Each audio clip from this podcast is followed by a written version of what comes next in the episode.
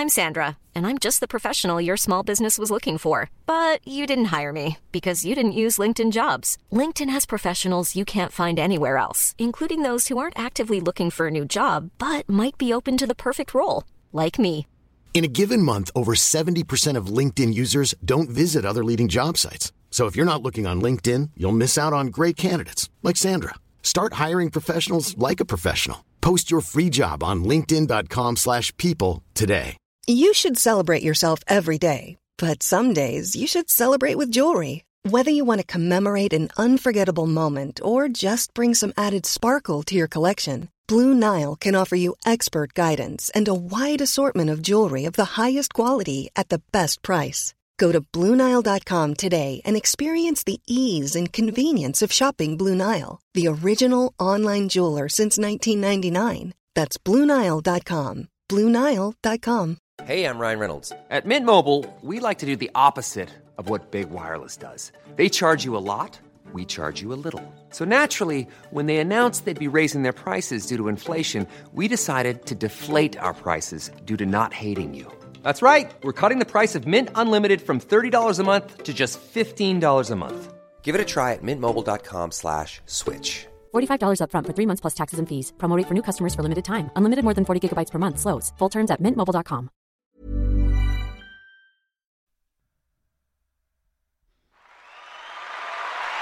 Yes, kjære lytter, velkommen til Scootspodens episode 100! Øystein, ro den litt. Rann. Ja. Det er ikke, så, det Nei, er ikke men så det svære greiene. dag. Det er ikke så store greiene. Jo, men for oss er det stas. Ja, ja, ja, ja, ja. Er du klar for pod, Øystein? Ja da, jo, jeg er klar. Jeg er klar. Kjør. kjør pod.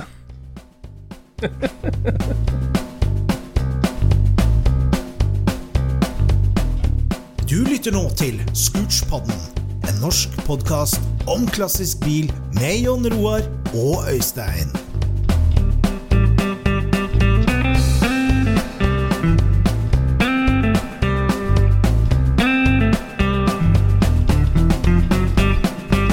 Yes, kjære lytter. Velkommen til en ny episode av Scootspodden, og ingen hvilken som helst episode. Tresifra episode nummer 100. Enten du cruiser rundt med et nytt Scootspod-klistremerke i ruta, eller du har krøpet inn i garasjen og starta på vinterens store restaureringsobjekt. Det er tid for Scootspodens episode nummer 100. Velkommen!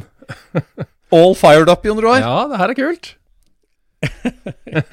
Det er Det er jo artig for oss, i hvert fall, at vi er kommet så langt. Ja, det er moro for oss. Det er det. Det er det. Og så har det jo vært mye artig tilbakemeldinger òg, etter, eh, spesielt etter Oslo Motorshow og forskjellige ting. Og artig med gjestene fra øh, å liksom kunne dele så mange entusiaster med Scootspod-lytterne Ja. som vi har gjort det siste. Ja. Ja, jeg føler jo litt på det der at det, det er vanskelig å gi alle disse gjestene nok oppmerksomhet når vi omtaler dem på Facebook og Instagram. Ja, det er sant. Det, det, blir, det blir nesten sånn perleforsvin er feil uttrykk, men altså det er, det er for bra innhold, egentlig. Ja, det er veldig, veldig artig innhold. Og eh, jeg synes det at vi, Men det å liksom kjøre såpass korte pass og interessante ting, det var en veldig artig miks, syns jeg. Og ja, så mye forskjellige folk Mm, fra forskjellige leirer. Så det var veldig bra.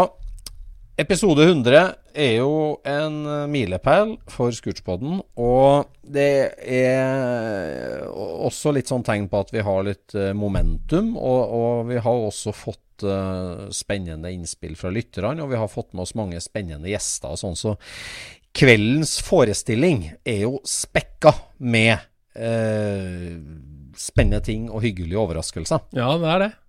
Og dette her er jo episoden som vi skal få høre eh, vil, alle biler til Øystein, og alle biler mine. For det er et spørsmål som er tilbakevendende. Kan dere prate om alle bilene deres?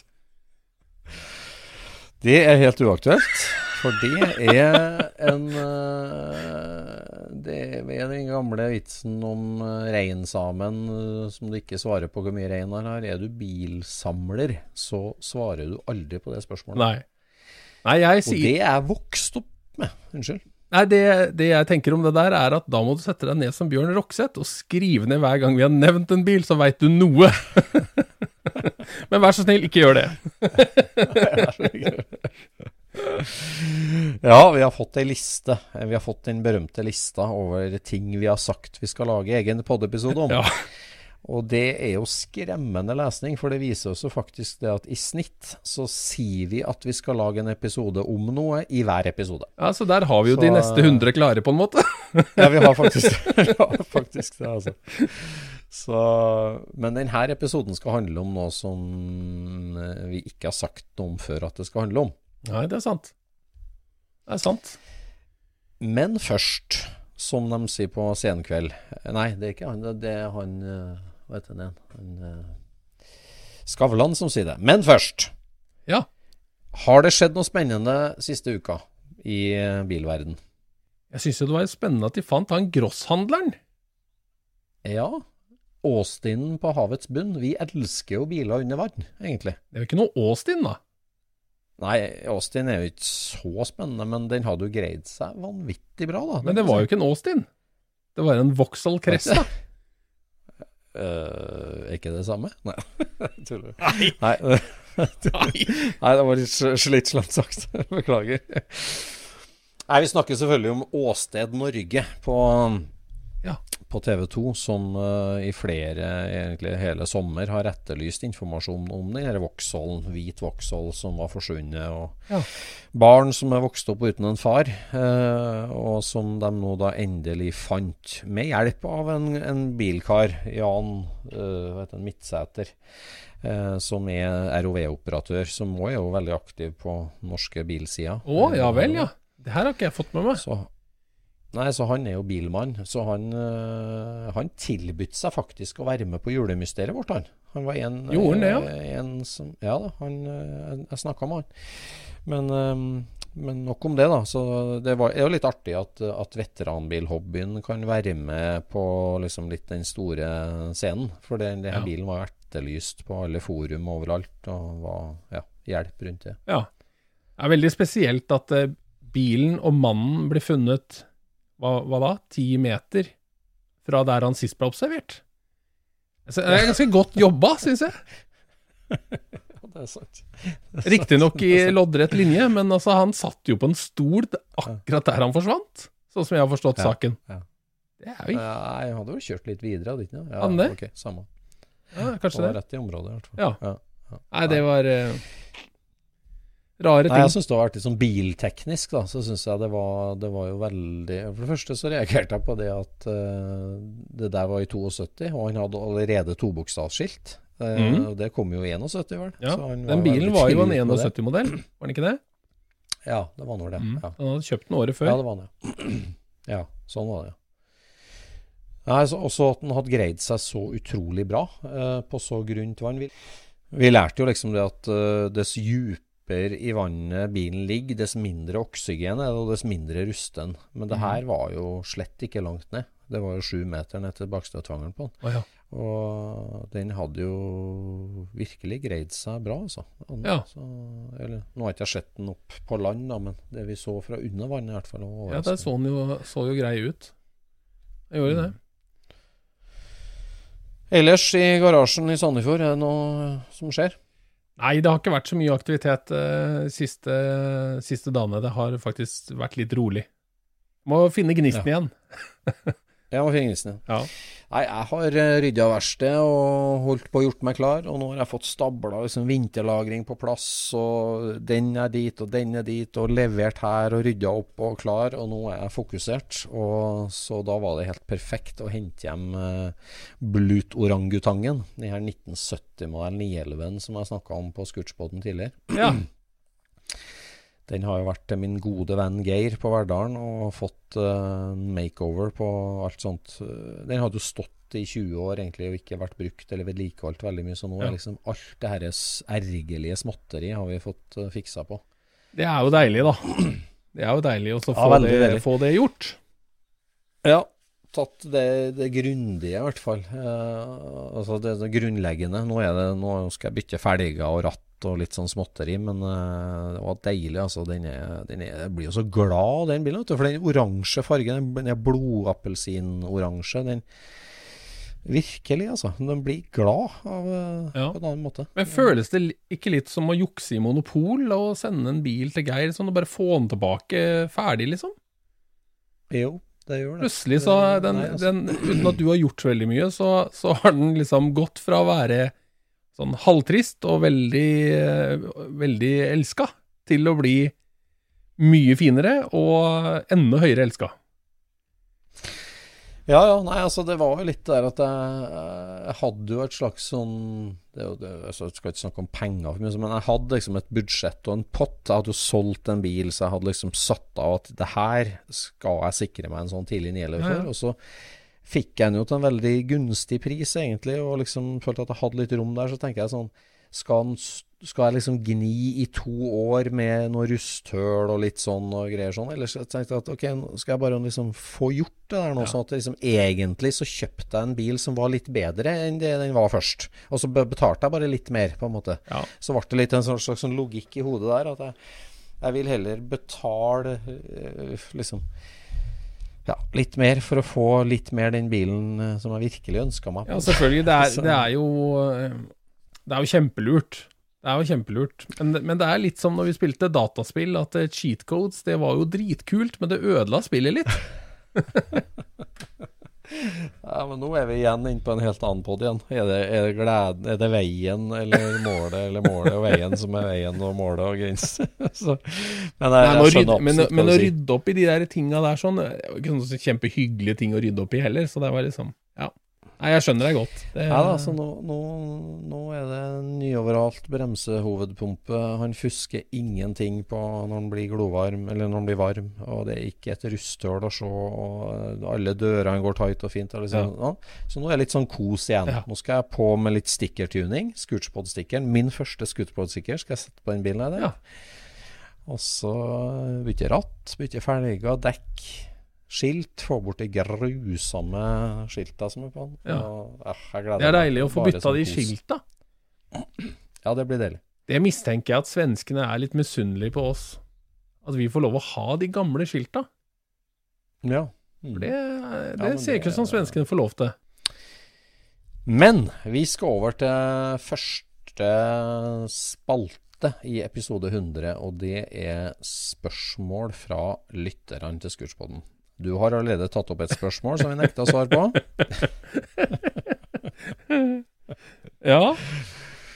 Uh, vi har jo fått inn uh, flere, og vi har liksom eh, sett litt på. Vi, det, vi kan jo ikke holde på alt mulig, men Vi har jo fått inn ett spørsmål her som går til deg, for du snakker jo veldig mye om felger, og spesielt 5 på 130 mm-felger. ja. Ja. Og du har jo latt det gå sport i å eh, samle på det uten å samle på det. Så det er du jo flink til. ja. Så spørsmålet er jo ganske enkelt hva er din favoritt 5 på 130 felg, og hvorfor? Oi. Ja, den er vanskelig. Det fins jo ikke egentlig én soleklar eh, vinner her, men, men jeg er veldig svak for de Campagnoloene, altså. Jeg er det. Ja, ja, ja. Beskriv dem for den unydde. Nei, det er, det er jo en magnesiumfelg støpt hos Campagnolo som eh, egentlig ser ut som eh, originalfelgen til Di Tomaso Mangusta. Ja. ja. Campagnolo 4082 mm. heter den som ble solgt til Porsche. Det er en fembolt-felg, der eh, Mangustaen hadde bare fire bolter. Og det er jo en viktig forskjell. En sånn eh, herlig en har vi jo i Norge, eller flere, uh, for så vidt. Men det er jo en oransje en som har vært mye framme, i hvert fall. Det er jo en nydelig felg. Uh. Nei, det som er gøy med de, er jo at det er en ordentlig motorsportsfelg. Og det er jo liksom Jeg syns jo det er gøy å sette motorsportsfelger på litt vanlige biler. Så det blir Mm, en sånn der uhellig, uhellig blanding. Det syns jeg er litt artig. At eh, Ja, ja, ja. det gir noen sånne hint om hva kanskje Hva som er inni denne her Tutti Frutti-bilen. Ja, hvordan var da følelsen når du kunne legge fire sånne felger til samlinga di? Altså liksom når du fikk tak i dem. Det er litt sånn holy grail for deg. Jeg, jeg har jo egentlig ikke lyst til å prate om Øystein, for det var jo, det, det var jo to år med mareritt. men eh, men eh, når, når jeg oppdaga de, så var jeg jo helt lyrisk. ja, ja. Så trenger vi jo ikke snakke noe mer om akkurat det der. Nei. Men nå er de her, i hvert fall. ja, ja. Det er bra. Ja. Det er bra. Men Øystein, det mange spør mm. meg om, det er Ja. jo liksom Hvordan får du tid til alt? Nei, det, det går ikke an å svare på. Det, det faller meg helt naturlig, for å si det sånn. Ja, men du må jo ha liksom en, en over gjennomsnitt aktiv eh, fritid. Ja, nei, men jeg, jeg finner jo veldig bare glede over, og det er helt naturlig å bruke alle døgnets timer, og bruke alle ferier til også å transportere noe, eller se på noe, eller eh, enhver tur på, på Oslo-kontoret innbefatter å hente en del, eller sende, eller innom en butikk, eller så. Altså det, det, er logistikk, god logistikkplanlegging. Det føler jeg er altså sånn, Ikke sånn basislogistikk, men logistikk med tida di og Ja, her er det helt naturlig å flette inn neste spørsmål fra en av våre gode venner, som lurer på hva er Ja. double dipping? Ja, det har jeg jo blitt beskyldt eh, litt for mye, da, å, gjøre dobbeltdipping. At, at det er alltid en dobbel-trippel-agenda med et eller annet. Eh, Hvis f.eks. vi er en gjeng som skal ut og kjøre seksvoltstur, for- sånn, og at jeg tilfeldig foreslår hva med å kjøre til eh, Trysil en tur, f.eks. Er fint. Og så at jeg da har en motor jeg skal hente på Trysil samtidig, det, det er dobbeltdipping. At eh, du gir inntrykk av en enkel agenda, men egentlig så er det tre ting som skal skje samtidig. Ja. Så det er Ja, ja, en veldig effektiv måte å bruke av tid. ja, det er én grunn til at du får gjort mye, det er double dipping. Ja, ja, ja. Det er klart, vet du. Ja. Um, en uh, lytter snakker om at vi snakker altfor mye om luftavkjørt Porsche. Um, uh, eller, ja Snakk mer også om nyere Porsche. Mhm. Um, hvis vi skal snakke om vannavkjørt Porsche, Jon Roar, hva slags Porsche vil du snakke om da? Åh, vannavkjølt Porsche. Ja, der er jeg jo ikke så veldig god. Jeg er jo ikke det. Nei. Men uh, jeg kan jo liksom de her eh, hovedlinjene, kan jeg vel, kan du si. Kan og Ja. kan. Ja, jeg har i hvert fall uh, Jeg klarer å pinpointe hvilke modeller som fins. det er så langt som jeg eh, kan strekke meg i hva jeg kan om, om sånt noe. Men jeg syns jo egentlig at noe av det mest spennende var akkurat i grenselandet mellom luft og vann. Ja. Eh, hvor at du bare har vannkjølte topper. Ja. Mm. 959. Åh, 959.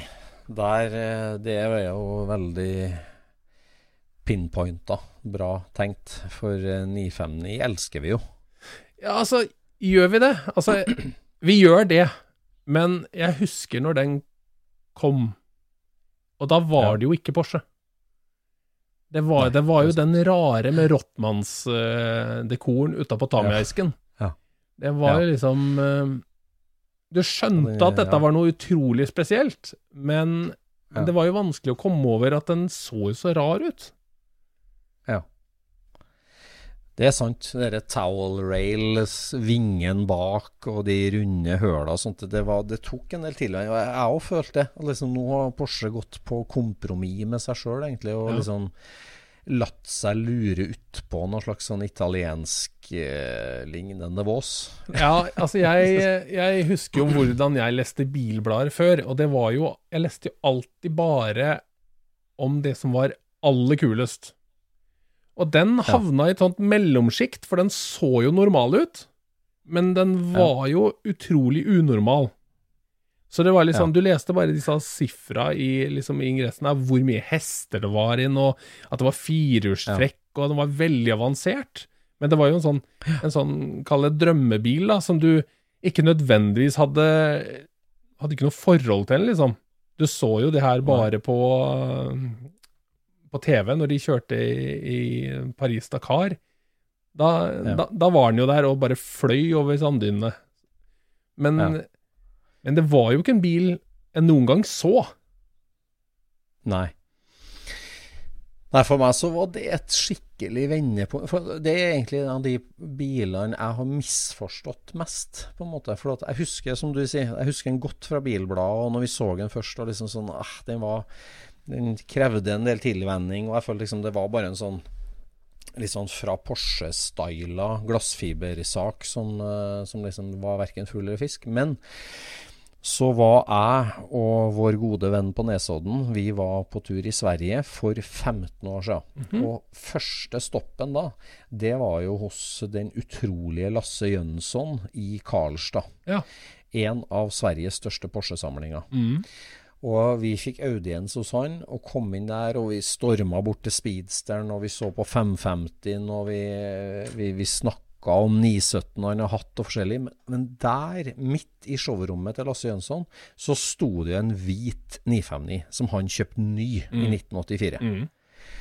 Og når han viste oss rundt der, så var det en av de bilene han var mest stolt over. Og når han begynte å åpne lokket og forklare, så liksom ramla det ned i hodet mitt at det her er jo langt ifra noen slags sånn stylingøvelse fra Porsche for å tilnærme seg et marked. Det her er jo pure business, liksom. Er, de, de starta med å skulle utvikle en, en absolutt råeste, villeste tekniske bilen, egentlig, som skulle ta altså, altså som Altså Det Lasse gjorde, da, ikke sant? de forteller oss at ja, felgene de er i, i magnesium, og de er hul for å være enda lettere. Ja. Den har dobbeltturbo. Det er ikke bare to turboer som trykker ned på hver sin sylinderbank. De er sekvensielle. Ja. Én starter på lavt turtall, og så tar den andre den over, liksom, for å sikre maks boost hele veien. Ja. Og når, jeg husker når han tok oss med på liksom de tekniske reisa gjennom ja, luftinntakene her er jo for bremsene foran, og det ledes sånn, og så skal det ut igjen bak, og der og sånn. Så alt hadde jo en funksjon. Ja. Det var jo slett ikke noe italiensk stylingstudie. Det var pure German engineering. Ja, ja, liksom. så det der, det der er jo en spinnvill bil. Det er jo en fullstendig En spinnvill bil. Hvor, hvor Porsche Ja, det- bare er sånn Og vi skal kaste alt på denne bilen for å bare vise verden hva teknikken vår er, liksom, hva vi kan få til. Og jeg må jo bare si at jeg blei jo utrolig forelska uh, i den eh, gruppe B-varianten. Altså den, den prototypen som de viste fram i 1983. Da viste de fram eh, noe som de kalte Prosjekt B, eller noe sånt noe. Og den sto jo nede på museet når vi gikk, eh, gikk rundt der nede. Og Ja. den er altså så nydelig. Den er enda litt cleanere, da, som er en slags Calluc-versjon av 959, kan du si. ja, det kan du si. Eh, Den, og den Fy fader, jeg blei så forelska når jeg så den der nede. Så den var liksom Jeg har, eh, jeg har tydeligvis en softspot for 959, altså. Og denne her Ja. teknikken og alt det der sånn. Det blir bare sykere jo mer du leser. Det er det. Det er helt sykt når du begynner å lese deg på den bilen her, og det er klart at Altså, jeg dro hjem fra der og begynner å lese, og det Altså, det får, har jo sitt utspring, som du sier, i gruppe B, og jeg tror arbeidstittelen var gruppe B på den bilen Ja. Porsche starta med deg i Ja. 81-82. Det, det var jo selvfølgelig det i, i VRC, i, eller i rallyverden, at gruppe B ble introdusert, som var jo sant, Ford RS 200, det var Urquatron, Kortquatron Kort-Quattroen Det var liksom Alle kom til torgs med det villeste, det verste, no limits. Ja, 205-en og det, ja, all, aller i eh, Ja, Lancia. Lanciaen og Ja, nei, helt sinnssykt, vet du. Helt sinnssykt. Og det at Porsche da liksom bestemmer seg og får med seg sjefen og alt sammen, og sier at nå gir vi carte blanche til ingeniørene våre. Ja. Vi skal gjøre storeslem. Vi skal være på den gruppe B-scenen, og Ja. vi skal gjøre det villeste av alt, liksom. Det var jo starten. Ja. Og det Men- Nei, det er så det, Ja, det er brutalt. Men, men hadde det ikke vært da for at de la ned den eh, gruppe B rett før bilen kom ut, altså, Ja. så hadde jo aldri denne bilen vært så misforstått som det den har vært siden da. Nei. Ikke for, Nei, For, nå da- ble det jo liksom en, en sinnssyk påfugl for gata. Mens det egentlig Ja. var en, en rallyversting. Ja. ja det, det starta som at vi skal bygge en helt villeste rallyversting. Og skal lage bare de 200 som kreves for å kjøre rally. Og så tok det litt lengre tid å utvikle den enn jeg ville. Gruppe B starta i 82. Og 959 var ferdig i 86, og da var det slutt på gruppe B. Ja.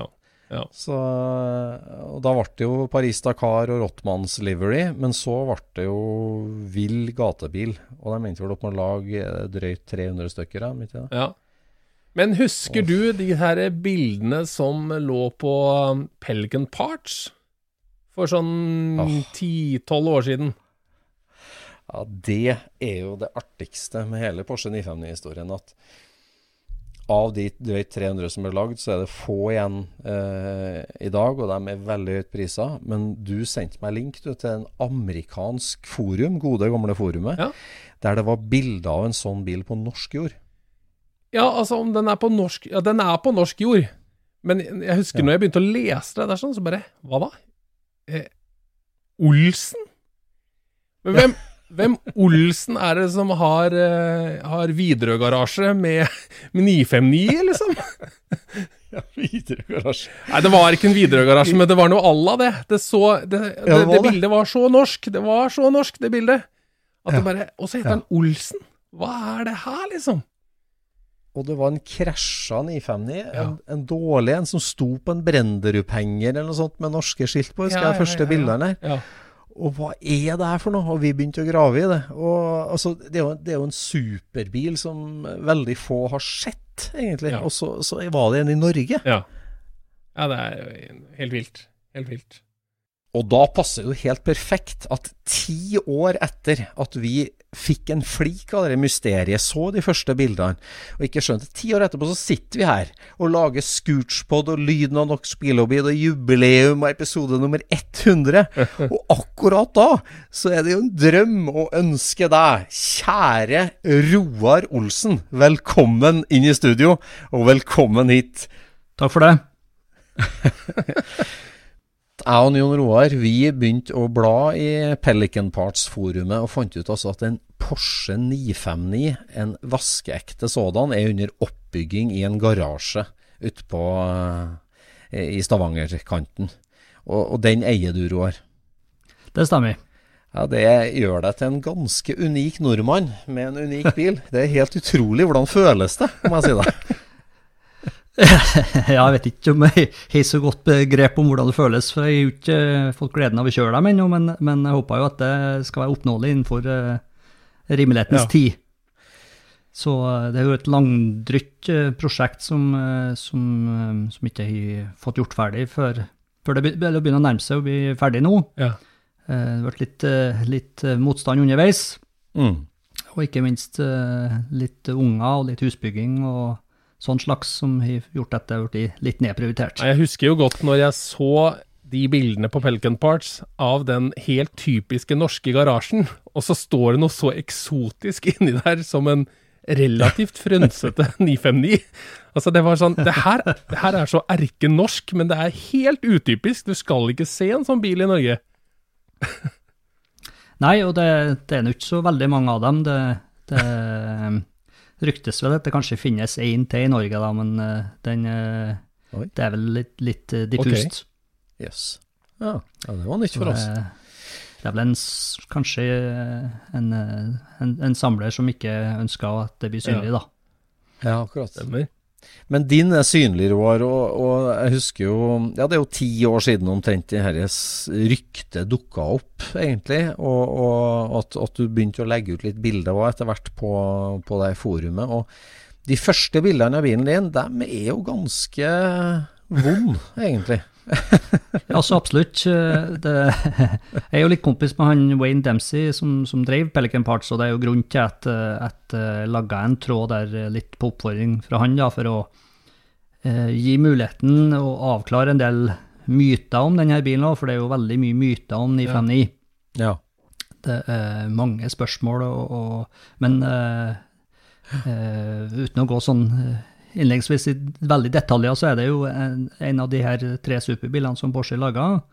På, um, og det her var jo laga tidlig på 80-tallet, sant, så det, Ja. det det er ganske imponerende hva de klarer å få til da, i, i produksjonen i 80-tallet. Ja. For det, det er jo utstyr på den bilen her sant, som, som eh, er moderne Ja, i dag. ja. Ja, så, eh, så det er ganske imponerende. Ja, det er jo en helt utrolig bil, det er sikkert, men altså, det er jo også en helt utrolig historie at det står en sånn bil i eh, garasjen i Norge. Og du må jo dra oss litt tilbake det, for at den bilen her, den har jo gått i Japan, ikke sant? Og så var det en Det japaner som var litt mer eh, uheldig enn japanere flest. Var ikke sånn? Ja, man kan vel si det. Han, han eh, har nok vært på bane hvor, eh, hvor han har kjørt i noe som gjorde at han uh, fikk seg en knekk i A-stolpen på venstresida, og, og støtfangere og, og, kevlardeler. Um, så når de um, skulle ta bilen av banen, så gjorde de noe mest sannsynligvis sånn som de gjorde, at de tredde vaiere gjennom dørene døren og løfta den på en måte etter taket. da Oi. som, som medførte at den fikk eh, skade på taket som, eh, som ikke har vært nødvendig. da. Ah, Oi, oi, oi. Såpass, ja. Så den bilen eh, kom jo etter hvert eh, på eBay, var det vel. Og, Yes. og um, så var det da en uh, annen nordmann som, som egentlig kjøpte den og, og fikk den hjem til, til Norge. Ja. Så, så uh, jeg var egentlig på utkikk etter en, en, en uh, krasja 911, 964, 993 eller noe sånt, og, og satt jo på mobile.de og søkte, og, og, og kom over den her eh, 959. Og så sto det jo at den sto i Norge, så det var jækla underlig, tenkte jeg. Så jeg, jeg, ringte jo han karen som, eh, som, som, som, som solgte den, da. Det var en tysker. Og, og eh, prisen var jo såpass høy at det, det, det var langt over mitt eh, budsjett Ja. Ja. for å finne en, et prosjekt, for å si det sånn. Men, men eh, så jeg på en måte la det der ganske dødt ganske kjapt, og, og, og tenkte ikke så mye mer på det. Så gikk det en eh, ja, sju-åtte måneder eller noe. Jeg husker jeg var på lokale butikken med, med småjentene og få en tekstmelding om jeg fremdeles er interessert i 959. Da har jeg jo på en måte glem, glemt av hele denne bilen, og, og, og måtte jo tenke meg veldig om for, eh, for å koble det igjen. For 959 er jo ikke en, en veldig uh, atypisk bil, sant? Så, så, uh, så det ble litt sånn hm, Hva det her var for noe igjen? Jo, det var det, ja. Hvem av 959 jeg har kikka på, var det der igjen? liksom? Ja, da, jeg må innrømme at jeg har vel ikke egentlig kikka på så veldig mye 959, for jeg, jeg visste jo ikke så mye om 959 før jeg begynte på med prosjektet her. Nei. Så, så for det Jeg var jo interessert i 911, og, og, og, og det var jo det som, som, som var Porsche, sant? Ja. Så, så eh, Men eh, det som enda opp med, da var jo at eh, jeg ringte jo han nordmannen og fikk han på tråden, og, og vi snakka om den bilen, og fikk vite litt hva for skadeomfang, og, og, og rest, rest til Oslo og kikka på den, Ja. og, og endte opp på kjøpen, da. Ja. Så før jeg gjorde det, så har jeg en god del kontakt med han eh, Wayne, Wayne Dempsey i Pelican. Ja. Og han, eh, han tenkte jo, eller sa det vel rett ut, at du er spinnegæren. Ja. og, og ville jo helst at jeg kjøpte den som var ferdig, da, for prisene på dem i den tida var jo ikke så, så gale som det er i dag. Sant? Og, men det var jo fremdeles langt, langt over det som jeg har råd til å putte, eh, putte i en sånn bil. Men han nordmannen som tok den til Norge, da, han, han kjøpte den altså på eBay fra Japan. Han kjøpte Så- den på eBay fra Japan, ja. Ja, Som et totalkrasj av vrak. Altså, det ser ut som den bilen har gått rundt ti ganger på uh, Fuji Raceway, eller hvor det var den gikk rundt. da. Altså, Ja, skadene er egentlig ikke så, så vanvittig som det ser ut, sant? For at uh, Klart, når du, når du når du begynner å se på det, så har vi jo fått det i A-stolpen primært, sant? Innerskjerm, A-stolpe, Ja. og, og gulvet. Eh, og så var jo mye av eh, de her eh, kevlardelene Hele bilen er jo på en måte kledd i, i kevlardeler. Bakskjermer, framskjermer, tak, eh, C-stolper og, og bakfanger, eh, frontfanger. Ja. Mm. Og så er panseret og dørene i aluminium. Ja. ja, sånn. ja. Og han mista Så- en del av de Kevlar-delene sine. Vet ikke, det var liksom skrotten igjen, på en måte. Eller, Ja. ja. Så den venstre framskjermen har jo selvfølgelig fått seg eh, Så den, den, det var mest av bare småbiter igjen, altså. Ja. Så, Men det er vel kanskje det at de her jo- karosseridelene mangler delvis, som, som gjør at eh, at man tenker at, eh, at det er så frønsete. Men, men som du sier, så er jo selve bilen mye bedre enn det den ser ut på de aller første bildene. Ja, chassis er jo Ja. i stål, sånn som på en vanlig 911, sant? Så, Mm. så, så det er jo opprettbart og, og erstatningsbart, Mm. Så det eh, har jo vært ganske mange telefoner og, og e-mailer til Porsche Classic i Tyskland, for å si det sånn, med spørsmål om deler tilgjengelig og sånne ting. Ja. Mm. Og Porsche Classic har jo eh, eh, 100 av de delene. Oh, ja. Problemet er at de er ikke så veldig lysten på å la dem gå til hvermannsen, så de ønsker jo helst å ha dem tilgjengelig til sine eh, preferred customers, på en måte, som, som kom, kommer dit eh, med bilene sine. da. Ja. Ja, sånn, ja. Mhm. Så en bekjent av meg har jo akkurat ned en sånn uh, skada 959 som, uh, som de skifta hele fronten på, da. Oh. ja. Så den, uh, den gjorde de på fabrikken, da. Akkurat. Så det var jo også et option for meg å ta den til fabrikken, sant, men eh, som de fleste forstår, så er jo ikke det helt gratis. Nei, Det er jo det som har imponert oss så utrolig mye med det vi har fulgt med på. Det da, Roar, med at ikke bare har du fått tak i denne bilen, men den måten du har angrepet det prosjektet på. Altså si at liksom, det her er en ja, det, er liksom, det her er en stor elefant. Jeg skal spise hele elefanten. Jeg må spise én liten bit om gangen. Du plukker av én del og gjør en kjempejobb og tar del for del for del og bygger stein på stein i det prosjektet. Veldig metodisk. Ja, du må nesten gjøre det, sant, eh, for å prøve å få det opp, sant, og, og eh, eh, Litt av grunnen til det er jo, som jeg sa innledningsvis, at det, det er vanskelig å få tak i deler. Ja. Eh, og og det, det er veldig kostbare deler. Men ja. målet mitt er jo at den skal bli 100 origi- original, så at det brukes de originaldelene som, som det skal være, da. Ja. Ja, så du prøver å reparere og redde selvsagt absolutt mest mulig. Ja, de, de ståldelene som, som har vært skada, de har jo fått tak i hos eh, Porsche Classic. Uh, innerskjerm, A-stolpe, eh, gulv, som Mm. sagt. Og, Mm. og eh, en del av de her kevlardelene er jo blitt eh, eh, enten laga nytt, reparert, eller eh, kjøpt brukt. Ja. Mm. Kjøpt Så brukt, kjøpt en, ja, for jeg fikk tak i en, eh, en framskjerm av en kar i Tyskland. Så ja, det er jo tilfeldig alt det her, sant. Ja. Så, så uh, var heldig og fikk tak i det, og så har jeg fått tak i en bakvanger i, også i Tyskland. Ja. Og, ja, og bakluka og panser og en felg, det fikk jeg med på kjøpet, faktisk. Ok. Så han karen som har tatt den inn til Norge, har jo begynt å source litt uh, deler. Men han Og- hadde ikke gjort noe jobb på bilen ennå, han? Eh, Nei, nei. så den sto akkurat likeens uh, som på bildene, på Ja. en måte. Mm. Så det var jo egentlig veldig greit, for da eh, kan man, jo- kan man jo plukke rundt og se omfanget, da. Ja. Mm. For nå er vi tilbake i 2010, ja, når du når vi fikk tak i den. For ti år siden. Cirka, Mm. ja. ja. Ja. Det, det er jo helt utrolig, tenker jeg. liksom, Som du sier, da, at du, var ivrig på 911, men kunne ikke så mye om 959. Og så plutselig så, så eh, ramler du inni der og står som en av de få eierne i verden av en så superbil. da. Altså, Hvor starta du hen? Starta du med å plukke på det vraket, eller starta du med å lese, eller hvordan starta du? Når du Nei, før jeg gikk, eh, gikk eh, til anskaffelse, før jeg kjøpte den av en karen, så, så satte jeg opp på en måte ei, ei delliste eh, av, av de tingene som en så ut fra bildene som jeg visste man Mm. trengte. Ja. Og så, så jeg skrev jeg en par, eh, par-tre A4-sider med, med delnummer. og så var det jo bare å begynne å søke da, og hva som, hva som var tilgjengelig på markedet, og uh, hvilke alternativer man har, og sånne ting. og ha Fikk veldig god hjelp da i begynnelsen av Porsche Classic eh, Tyskland. Ja. Ja.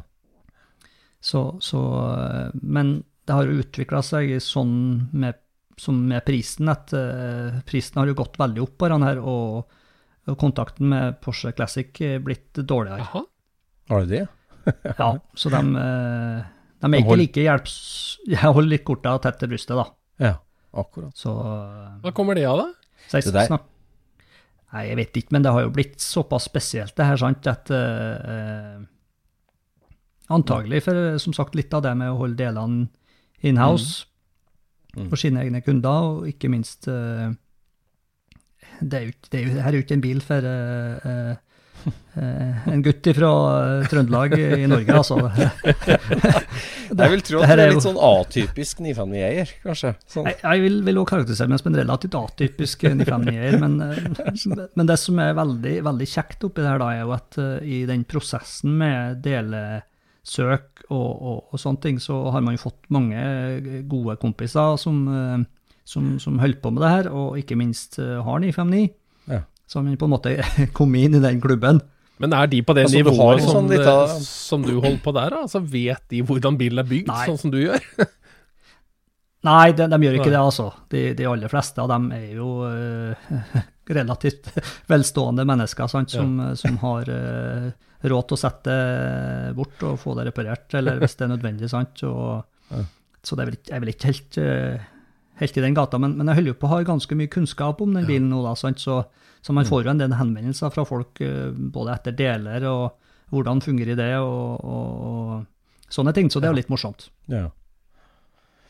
Så du har en sånn Det, det finnes ei sånn chattegruppe, altså, eller en messengergruppe for 959-eiere. altså, der, der, der, så, så, Nei, han, eh, Jerry Seinfeld deriblant, han har jo ikke hatt kontakt med ennå, men han har jo en sånn en. ja. Mm, mm. Bill Gates har jo en, Ja. og, men det, det er vel litt mer sånn den eh, vanlige, vanlige folka som har 959 som jeg eh, har kontakt med, da. Ja, jeg skjønner.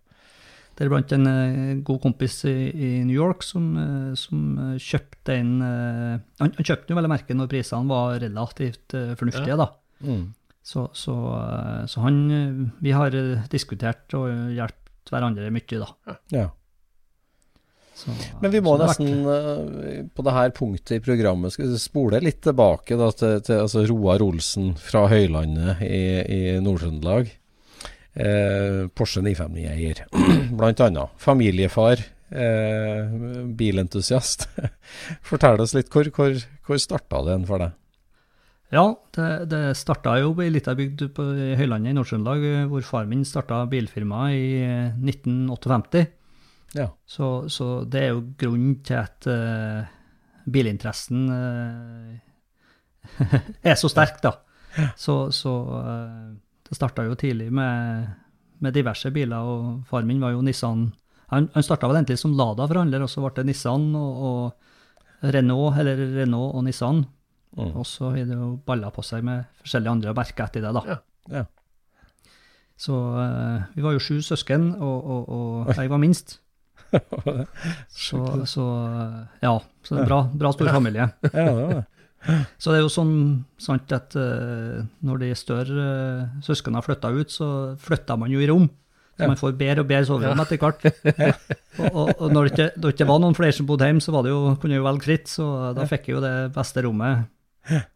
Og der hang det jo en plakat av en, eh, 911 Turbo, en sølvgrå 911 Turbo, som, eh, som broren min har snekra ramme til, og, og, og eh, som, som sto Eller ble stående ganske høyt hos meg, da. Ja. Så det var egentlig der Porsche-interessen starta, da, i en sånn 13-14-15-årsalderen, kanskje, eller noen ting. Det har jo parallelt vært veldig mye Nissan, da, selvfølgelig, og Z-biler og den biten der, og Sherry GTT og sånne ting. Det har jo vært storveis. storveis. Ja. Så uh, jeg kjøpte jo en sånn Sherry GTT i 15-årsalderen eh, imot far min sin vilje. Ja. Så, så det hendte med at eh, jeg og en annen kar reiste ut i Trondheim og skulle hente denne bilen. Og, eh, mot, mot fars vilje, og kom hjem med den. Og det var jo selvfølgelig ikke i orden, så det var, måtte jo fikses på.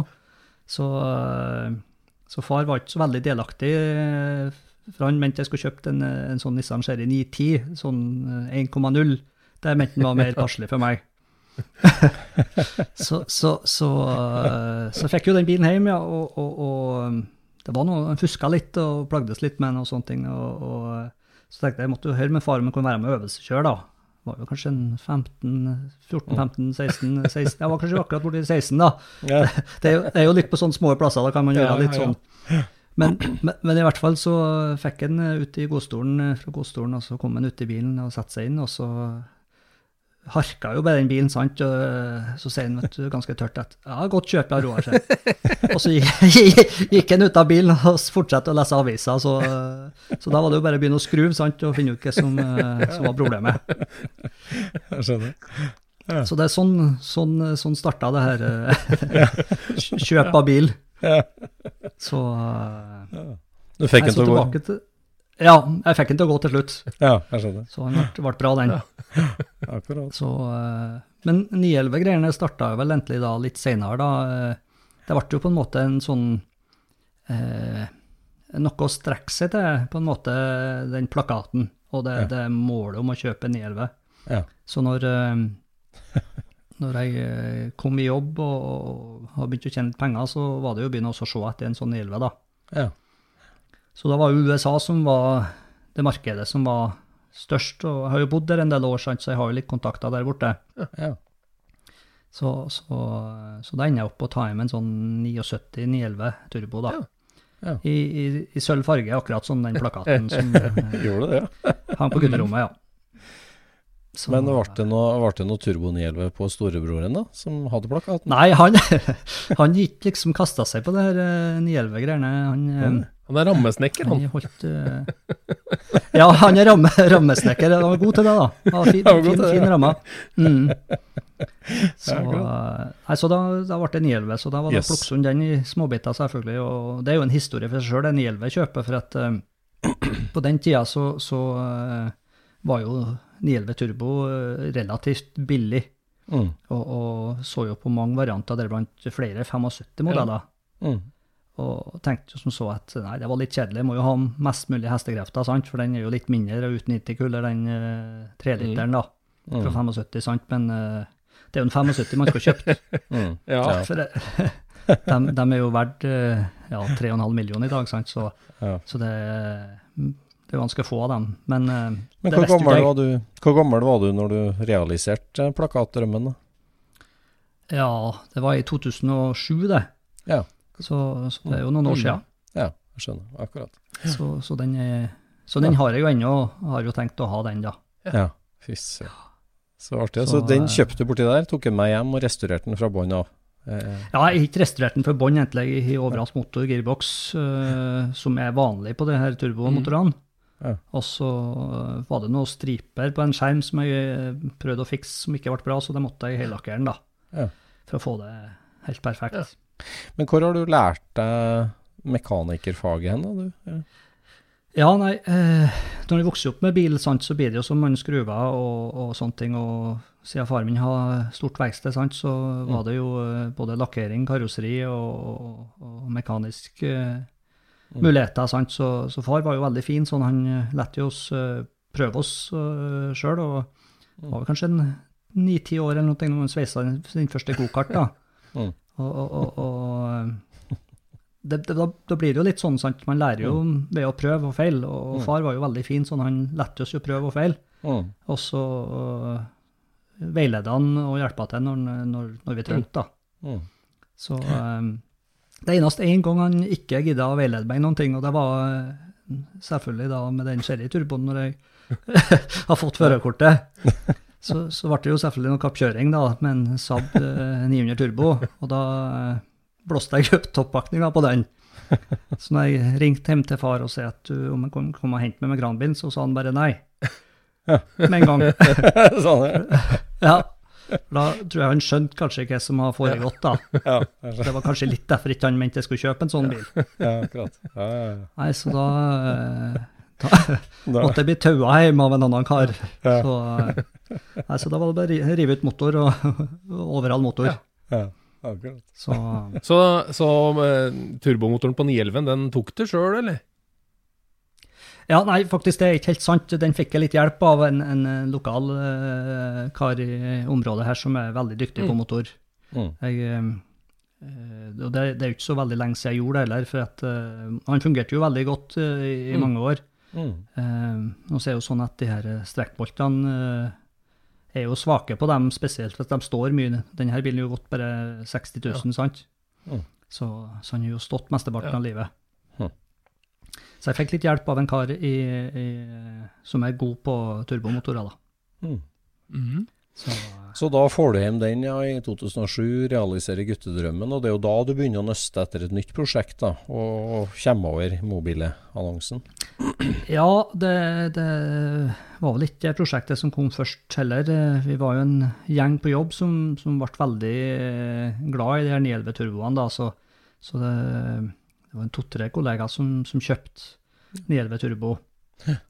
Og de gamle her, da, så, så jeg kjøpte vel en til forrige der, faktisk. sammen med en, med en kollega, da. Ja. Så, så vi del, del, deler på en, og den, den har vi jo ennå. Ja, det. Ja, så det er en, vel en 280-modell, det, så mm. Men det er, ikke, det, er ikke kom- en, det er ikke en kompisgjeng på jobb som har 959? Det var Nei, det, Nei. nei, det er ikke det. Er ikke, det, er ikke det. Nei. Så, uh, Der er så du det, alene. Det, det, det er jeg alene om, det, altså. Ja. Så, Nei, det- så kom jo den Mm. Ja, så kom jo det 959-prosjektet i, i ti cirka. Da. da. Ja. Det, det var jo utrolig tilfeldig å ramle opp i det, men eh, jeg tenkte eh, hvis, hvis ikke jeg gjør det nå, så blir det jo aldri. For det, jeg skjønte jo at prisene på det her kom til å gå opp. Ja. For de var jo underpriser i den tida der. Du kunne jo få en eh, ganske bra en for en 250 000 dollar, sant? Og, og, Mm. og det er jo fremdes, eh, var jo fremdeles mye penger i, i 07, men eh, Mm. de fleste som vi følger med dem, i hvert fall vet hva de er verdt i dag, sant? så er det Mm. jo helt vanvittig. vanvittig.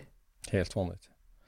Ja. Nei, det er bare helt vanvittig der at du, at du har noe Altså, jeg, jeg sa jo Ja, vi har sett på den tråden din hvordan du plukka den ned og sånn, for jeg tenkte på Når du da fikk den hjem da fra Østlandet, du, du lagde deg innkjøpsliste først, bestemmer deg for den, kommer hjem på hengeren, triller den av i garasjen. Eh, Hvor, hvor starter du den da? Altså, hvordan eh, det, Som du sier, det er jo en så spesiell bil. Den krever jo en enorm kompetanse. Altså, det er jo veldig avanserte materialer og alt mulig, så hvordan Ja, det, det, det er jo litt myter om den her eh, 959-en, sant, eh, med materialbruk og den biten der, men, men egentlig så er den jo ikke så, så, eh, så spesiell eh, som man skal ha det til, sant, for hele chassiset er, er jo i stål, Ja. Sant, så, så, så det, det gjør det jo, eh, gjør basisen ganske bra. Eh, skjermer, som sagt, er jo i, i kevlar, eh, og, og, og kevlar er jo bare en, en form for glassfiber, på en måte, bare at den har en annen slitestyrke Ja. eh, innen glassfiber og Mm. den slags. eh, men på jobb eh, så, så driver de jo mye med, med glassfiber, så jeg spurte litt til, til råds der og sånne ting, og, og fikk, jo, fikk jo en del hjelp derifra med veiledning og, og støypeformer, og hvordan man skulle lage sånne ting. Ja. Og, og eh, ikke minst at jeg fikk tak i en framskjerm, gjorde det jo betraktelig enklere, sant? Mm. Si at det var den som var, har fått mest juling. Mm. Mm. Altså Så- de andre, de andre Kevlar-panelene er- har du brukt de originale fra bilen, altså? Ja. Har du det? Akkurat. De Ja, var der, så, så, så vi, vi, vi laga til et nytt uh, tak, det eneste som er laga nytt Ja. på bilen. Ja. Uh, så da reparerte vi det gamle, og så støypa vi et uh, nytt tak da med Nomex-forsterkninger, sånn, som, sånn som originalt. Ja. da. Og Nomex, det er et uh, merkevarenavn, er det ikke det, eller?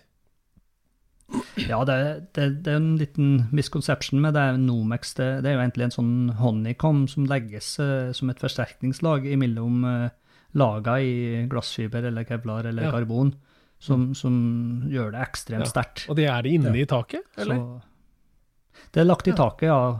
For han uh, Hele taket er jo som sagt i, i, i kevlar, så, så for å få det støtsbestandig, så, så forsterker de det på den mm. måten. Ja. Ja, og så står det jo i boka at den har Nomex-gulv òg, hele bilen. Ja, stemmer det. det.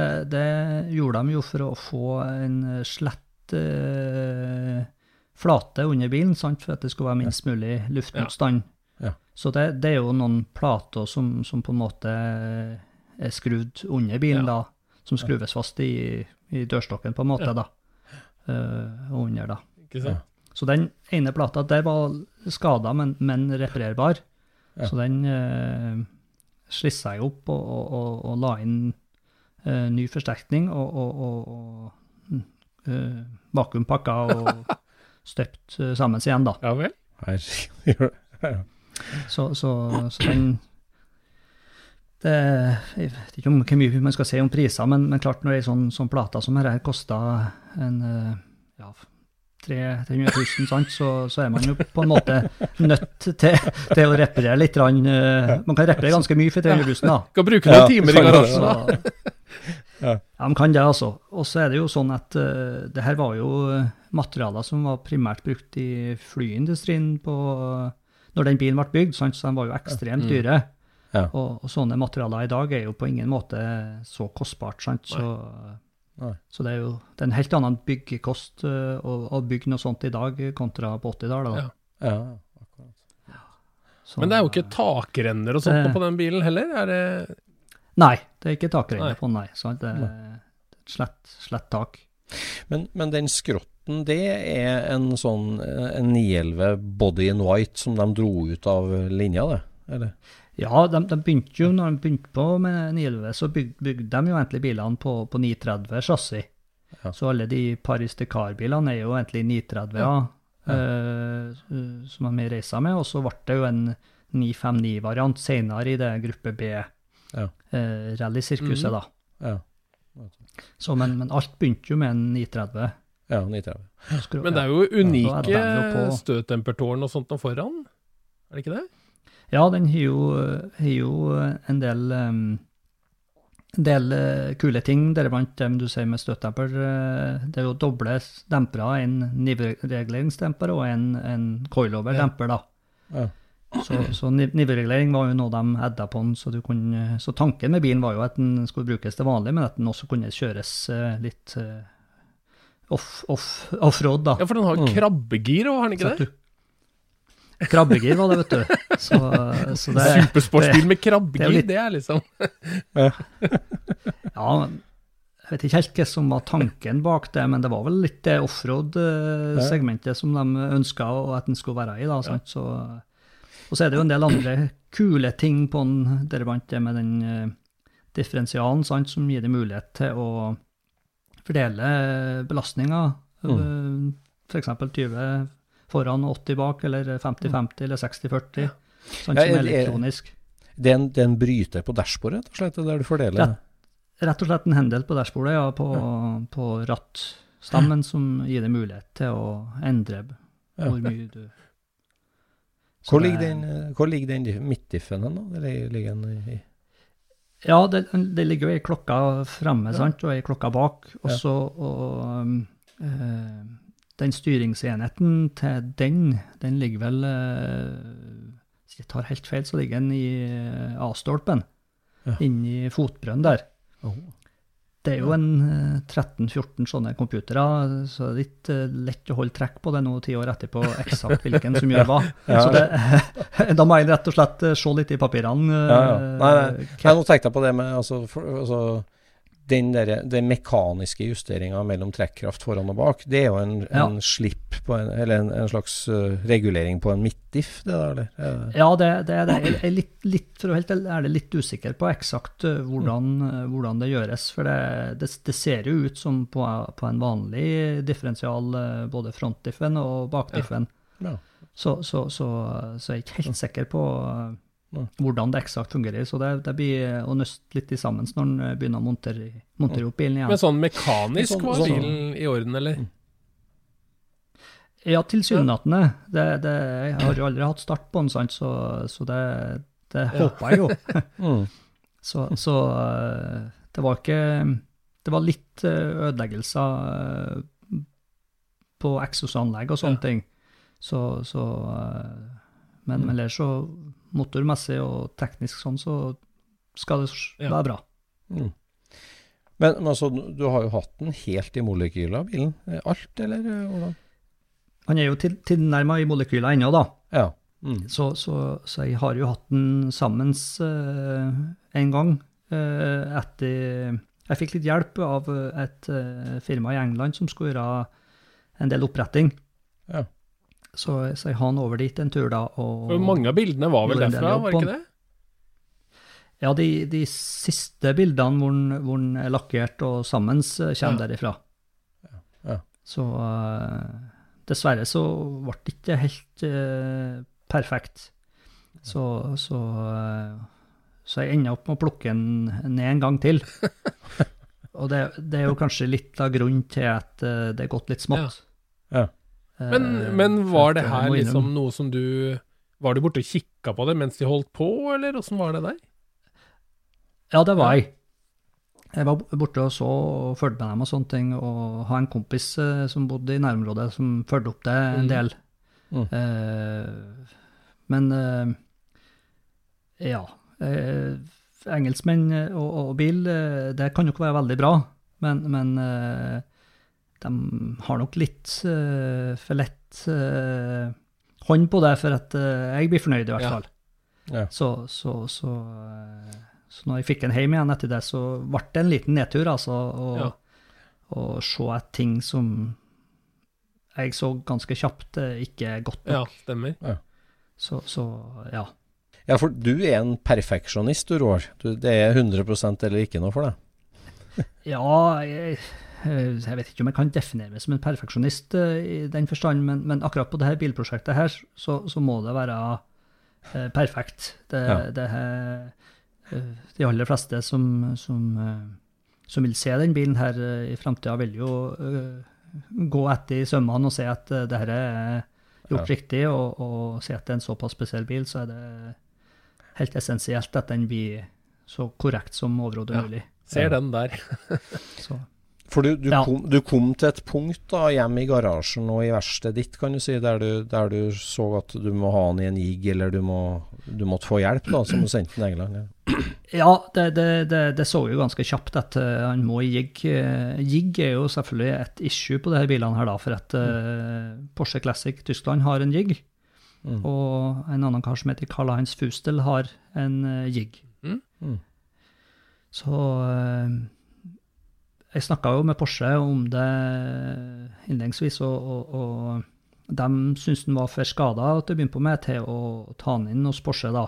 Eh, Og ikke minst så var jo prisen så avsindes at, eh, at det ble ganske kjapt uaktuelt. Så da så i, hvis man, Nå er man jo litt tilbake igjen, men, men, men eh, det var jo sånn jeg kom i kontakt med han Karl Hans Fustel, for han er den karen som bygde opp den første krasja 959. Aha. Ja. Så, så, så han uh, fikk tak i en 959 som uh, ble krasja på tur i, fra leveringa på fabrikken på autobahn. -huh. Så, så han ble ganske knust, eh, den bilen, og den kjøpte han. Og, Mm. og det er den bilen som, som går som kabriolet i dag. Ja, ja. Det er jo kun én 959 som er, er i cab, da. Så han Så den bygde den om til cab, Eller? Ja. Ja, så han bygde den om til cab, eh, hvor du kan skifte frontruta til speedster. Aha. Ja.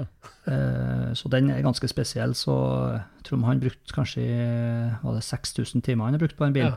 Oh.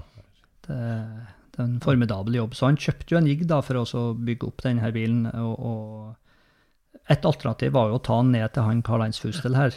Eh, og så skulle, men så skulle han flytte til, til, til Sveits med verkstedet sitt, og så ble det litt fram og tilbake. Så ble det ikke den løsninga der, da. Mm. Så, så da ble det England som, eh, som ble det enkleste Mm. Ja. Så eh, Men de slurva. de slurva, dessverre. Mm. Eh, Det skal jo sies at, at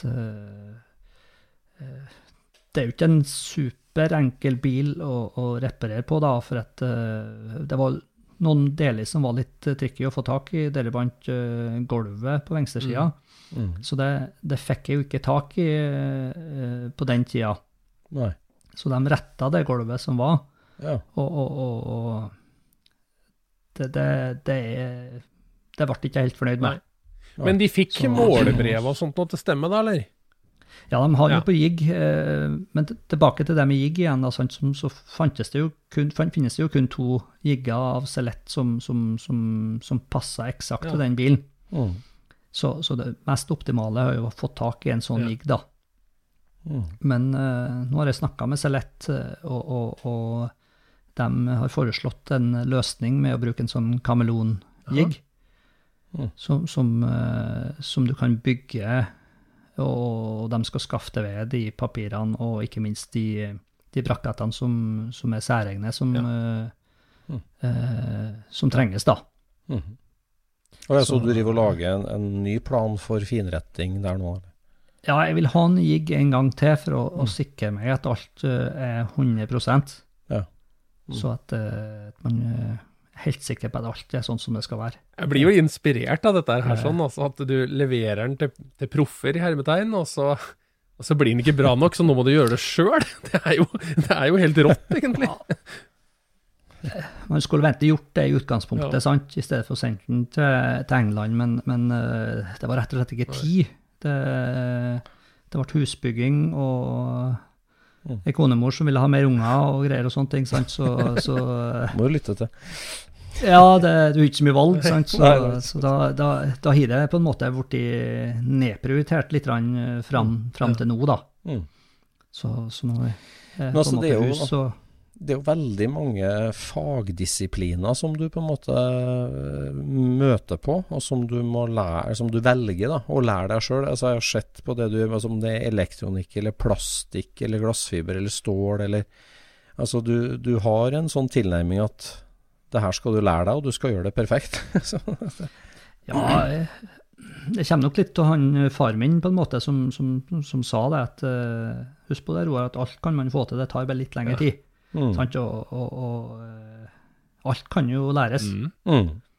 Så, eh, så det, det, jeg ser ikke på det som noen umulighet, og, og har jeg jo sett på det som umulighet, så hadde jeg jo stoppa og gitt opp for Ja. lenge siden. For at det, det er jo et, eh, for de aller fleste et formidabelt prosjekt å, å få jo opp. eh, Og kanskje ikke minst det at eh, du, du må ha en god evne til å, å skaffe deg kontakter, Mm. for ellers så stoppa det, stoppa det opp, altså. Det må jo være en voldsom liste med folk du har vært i kontakt med om deler på den bilen. Altså, Ja, absolutt. Eh, Det, det er jo litt eh, Han, han Wayne Dempsey deriblant, han har jo vært veldig hjelpsom sant, med, med å tatt bilder av ting, eh, detaljtegninger og sånne ting. Og, og, og så har man jo skaffa seg litt folk i Porsche-systemet som òg hjelper Ja. til, da. Mm. Så, så jeg har fått litt fabrikktegninger på noen ting som jeg har trengt å og, og sjekka, laga til og sånne ting. Sant? Så, så det, det hjelper Ja. jo veldig. så hvis du hadde hatt en sånn verdenskart med en knappenål for hvor, de, hvor delene kommer fra, hvor står de flesteparten av knappenålene da? Ja, nei, de, det er faktisk mye Europa. Nederland, Tyskland, Mm. ja, og litt USA. Mm. Mm. Så, så jeg har vært heldig og, og ramla borti forskjellig, da, sant. Eh, Deriblant uh, den her reflekslista, baklyktene og sånne ting som er bak i støtfangeren, de, Mm. de er jo ikke å få tak i lenger. Nei. Og jeg, jeg har jo et sett, men, men som på alle andre nielver, så blir de varme, og så blir de uh, uh, deformert. Mm. Ja. Og, og ikke så fine å se på. og Så ramla jeg borti da, selvfølgelig en kar i Nederland som har et helt sånn sett som jeg fikk kjøpt, som var helt spiller nytt. Jøss. Så, så det, det, det, det Ja, det er kjempeflaks. Ramle borti NOS 959-deler, det, det er jo ikke helt Ja, tilfeldig, tenker jeg. Nei, det, det, eh, nei, den var jeg heldig med. Ja. Og, ikke minst uh, en av de her uh, tipcapene på Exos-anlegget, der mangla jeg en. Og, og, og der kom jeg også Så jeg fikk tak i en sånn en, da. Ja. Så, Hva er liksom det vanskelige altså Når jeg tenker sånn Ok, det er 13-14 computere fra 1986 som skal integreres og fungere sammen. Eh, Det er jo en del, det jo en del fagområder som er litt utfordrende, tenker jeg da. Men eh, hva er det Ja. vanskeligste liksom du har vært borti så langt? Nei, der blir jo et lite kapittel, eh, der elektronikkproblematikken. Og den- skubba jeg litt framfor meg ennå, da, for at ja. siden jeg ikke begynte å montere noen ting av det. Men, men jeg har noen flyavionikere på jobb som, som, som har jobba mye med sånne komponenter. Ja. Så, så jeg håper at eh, vi kan, eh, når den tid kommer, mål å, og gå gjennom dem, da. Og, og få sjekka at alt er bra der. Ja. Jeg skjønner. Så, så er jo de åpenbare Det var en computer som har fått litt juling, så den eh, har jeg tatt opp og lodda punktene og sånne ting igjen. Så, så, så det, det gjenstår å se om det fungerer, da. Ja. Men eh, det, det håper jeg. Så, så det blir jo, blir jo en del der, da. Eh, og så er det jo selvfølgelig eh, Problemet når ting har stått lenge sant, og ikke er brukt, så, så kan man jo få noen utfordringer med noe av de her pumpene og sånne ting. Da, sant? Så, Så det blir litt spennende. Mm. Men Så- motoren, da? Har du, har du revet den nå ned, helt ned, eller? Nei, den er ikke jeg, eh, plukka sånn, så den eh, har jeg bare preservert på en måte. Og så, ja, jeg fiksa vel eh, eh, den braketten til turbopenger, den, den har fått litt juling, så den eh, retta jeg opp og, og, og, og forsterka på nytt, eller sånn som det skal være originalt. og og, og litt eksosmanifold og sånne ting, men ellers så, så var det ikke noe særlig skade, skade på det. Men da. den motoren er ganske unik for bilen, er den ikke det? Eller? Ja, det, det, det er jo en, en, en eh, racingmotor egentlig som de brukte i, i eh, noen av de her banebilene, da. Eh, så det er jo en Ja, 2,9 956, litring. eller? Ja. ja. 956, ja, og 961 da. Mm, mm. Så, så det er jo den, den samme motoren som er brukt der, da. Luftkjølt med Ja. vannkjølte Så- topper, er det sånn? Stem, stemmer det, ja. Så Ja. det, det er jo litt, jeg må innrømme, det er jo litt imot uh, min æra, da. For jeg er jo primært en luftkjørt mann, jeg må jo si det, men, men uh, det, det får gå for det her Tenker gangen. det skal gå greit, ja. Så, ja, ja. Så, så uh, Men altså, jo- motoren du, eh, på, Motoren er den originale til bilen, ikke sant? Det- ja, ja, ja, ja, ja. Og, har, har du nøsta opp hele historien til chassisnummeret her, og, og har hele storyen på den, eller? Ja, jeg prøvde jo det, men, men eh, jeg har vel ikke helt eh, klart å fått eh, vite hvem som eier den i, i Japan. Jeg har bare det gamle vognkortet fra Japan. Ja. Eh, men det er litt vanskelig for meg å lese det, hvem som eier den. Men, men, men det er noe jeg kanskje skal se litt på etter hvert, når jeg har den på en måte komplett. Ja. da. Men Porsche, de, altså, var den levert ny til Japan, eller? Ja, alle, alle de 959-ene er jo levert eh, med rattet på standard side, sant? Så, så, så det er ikke noe spesialbygg for, for Japan på noe vis. Det, alle, alle, så han, han er registrert første gang i Tyskland, Ok, den er det. og så, så, ja, ja, så, så, så gikk han til, til Japan, da. Ja. Som, som de, det var måten de Ja, gjorde det på. Ja. Registrerte alle i Tyskland, og så gikk de overseas. Men er det en sport eller en komfortbil? det er en komfort. Ja. Og da har du speil på begge er sider, er det sånn, eller? Da har du Hva sa du da? speil på begge sider, eller var det sånn? Da er det speil på, på Ja. begge sider, ja. Mm. Så, eh, Og så var han i den hvitfargen, ikke sant? Eh, Ja, per, Ja. perlemor hvit. Ja. eh, så- Hvor mange, altså Har du noe peiling på altså, hvor mange hvite var lagd, og hvor mange egentlig var ny i Japan, eller sånn? Vet du noe om det? eller? Nei, da må jeg eh, høre med han eh, kompisen min i New York som sitter med et sånt eh, oversiktsbilde på, på alle de eh, 959-ene. Det var jo Ja. 282, tror jeg det var, som var levert, da. Ja. Hvor Så- mange så- lever i dag, da? Vet du det? Nei, jeg, jeg vet kun om én som ikke eh, lever. Ok. Så, så den så jeg, det vraket så jeg, eller det chassiset så jeg hos uh, en kar i Tyskland. ok. Så, så Og det, du, Men det var jo en del som den var helt bortafor redningen, den, eller? Nei, han var egentlig ikke det. Så, så, ehm, så jeg spurte jo han om å, spurte jo han om å få kjøpe det chassiset, selvfølgelig, da. Men, eh, men eh, han er vel en av de i kategorien som har det meste av Porsche-relatert uh, Ja. del i. Og, og, og som kanskje er den som uh, vet også hva det er mest verdt, eller Ja. hva det er verdt. Ja. Og, og derav litt vanskelig å diskutere med. Ja. Det hadde jo vært kult å vært han eneste i Stavanger-området som hadde to, da. Ja, det, det har vært suverent, det, altså, men, men eh, jeg tror vi får konsentrere oss om å få i sammen den som vi har nå, og så skal man være ganske godt fornøyd med det, tror jeg. Ville tro Ja. det. Vanvittig, altså. Ja, hva, hva er, hva er, øh, den, hva er din, den største utfordringa med den? Det har vært sånn rent teknisk, da, egentlig nå, som du har vært igjennom? Nei, det Som sagt, alt kan jo læres, sant, og sånn, sånn glassfiber-kevlar-arbeid, det så jeg jo på som litt utfordrende, men, men det er jo egentlig ganske greit når du, når du kommer i gang med Mm. og har ei bra vakuumpumpe og bygger deg eh, gode maler og lager ting, så er det jo kjempegreit, egentlig. Mm. Men det, det må jo læres, det òg, og det er sikkert mange som er mye dyktigere enn meg på, på det, men, eh, men uh, man får det jo til. Jeg så den derre Den motorlukehengsla, den så jo litt utfordrende ut. Ja, den, den, den fikk jeg faktisk laga av noen andre. For at uh, Ja, for den, eh, den uh, laga i aluminium.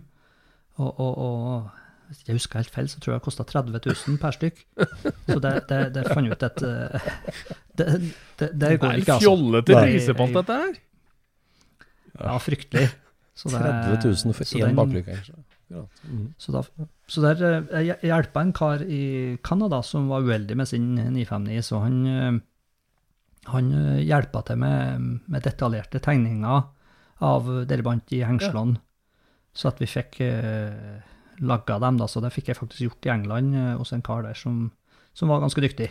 Men er det da Porsche Så- Classic Center da, som setter de prisene, eller hvordan, hvordan fungerer det der egentlig? Ja, det kommer litt av hva bilen koster i utgangspunktet, Ja, ja. sant? Og, og, og hvordan prisene har utvikla seg. sant? Så ja. det her bilene som, som Porsche solgte, jeg tror de solgte dem for 250 000 Dodgemark i, i 87 og 88, og, og, og ifølge Porsche-kilder så, så var jo det halv pris av hva den bilen kosta å bygge. Ja. Ja.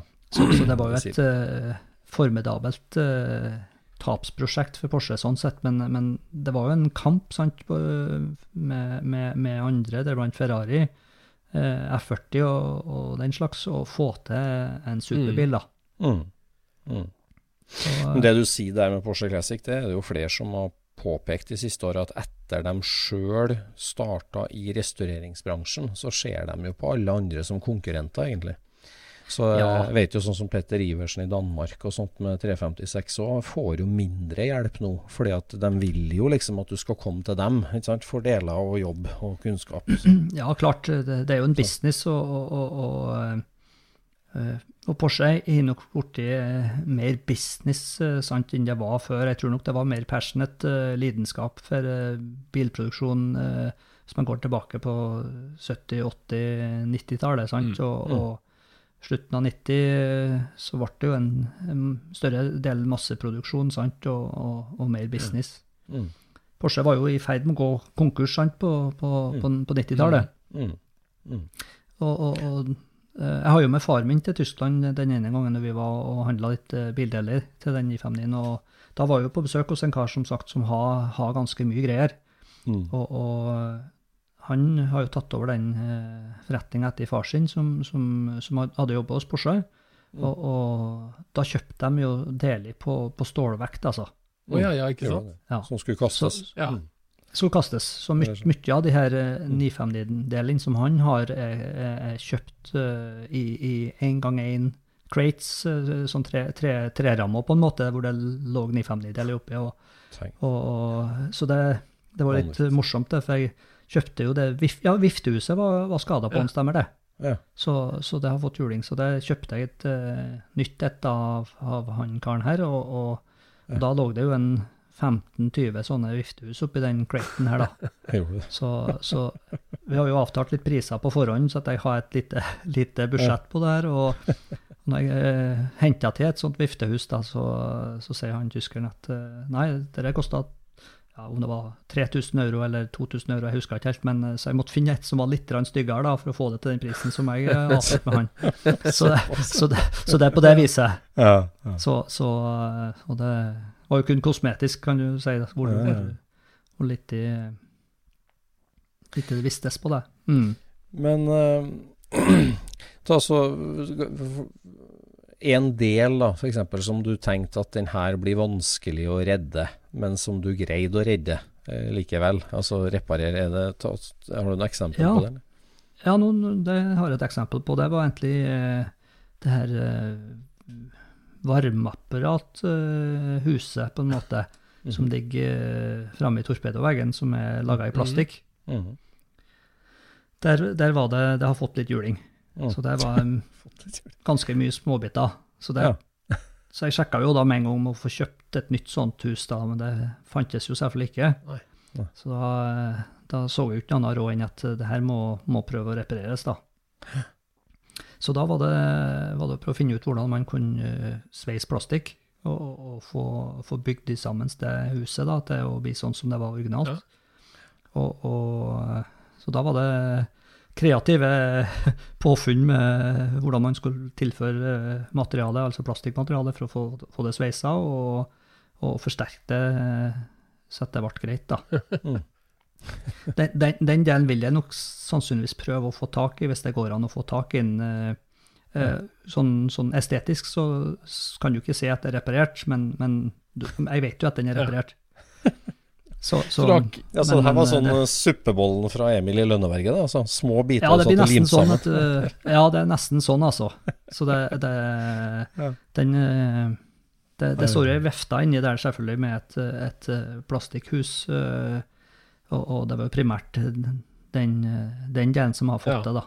Det Så, så det var det var smelting og, og, og loddebolt og varmepistol og den slags for å få smelta, smelta delene sammen igjen da, og få det, få det Ja. sterkt.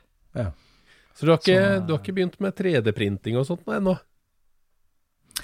Jo, øh, det har vi faktisk gjort, ja. For øh, litt, øh, litt Så jeg fikk et firma til å skanne A-stolpe på venstre og høyre side.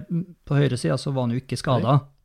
Så det, det, det gutterpanelet, på en måte, det panelet som, som der som vindusviskerne sitter, Ja. Det var skada på, på venstre hjørne. Mm. Så, det, det, så det vi gjorde da, var at vi mm, fikk, fikk 3D-printa de delene, så at den kunne lage seg en form for å støype den, den delen, da. Jeg skjønner. Så, så, så, så det, det har vi faktisk brukt litt, da. ja. Så sånn har du holdt på, del for del, bit for bit, hele veien. Ja, det er jo liksom Det blir jo litt sånn å prøve å finne en løsning, sant. Eh, For igjen, eh, ja, jeg tror faktisk det taket er tilgjengelig fra Porsche.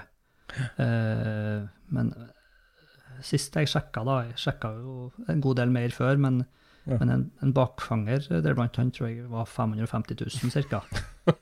Så, så, så det var liksom En helt grei nielve, med andre ord. For det, for Ja, det er det, sant. Så, så, ja. Så, så, så da var jo heldig og fikk tak i en brukt en, sant. Eh, Ja. Til en helt annen pris, Ja. da, så. Her. Men målet ditt er å få en helt original, helt strøken original.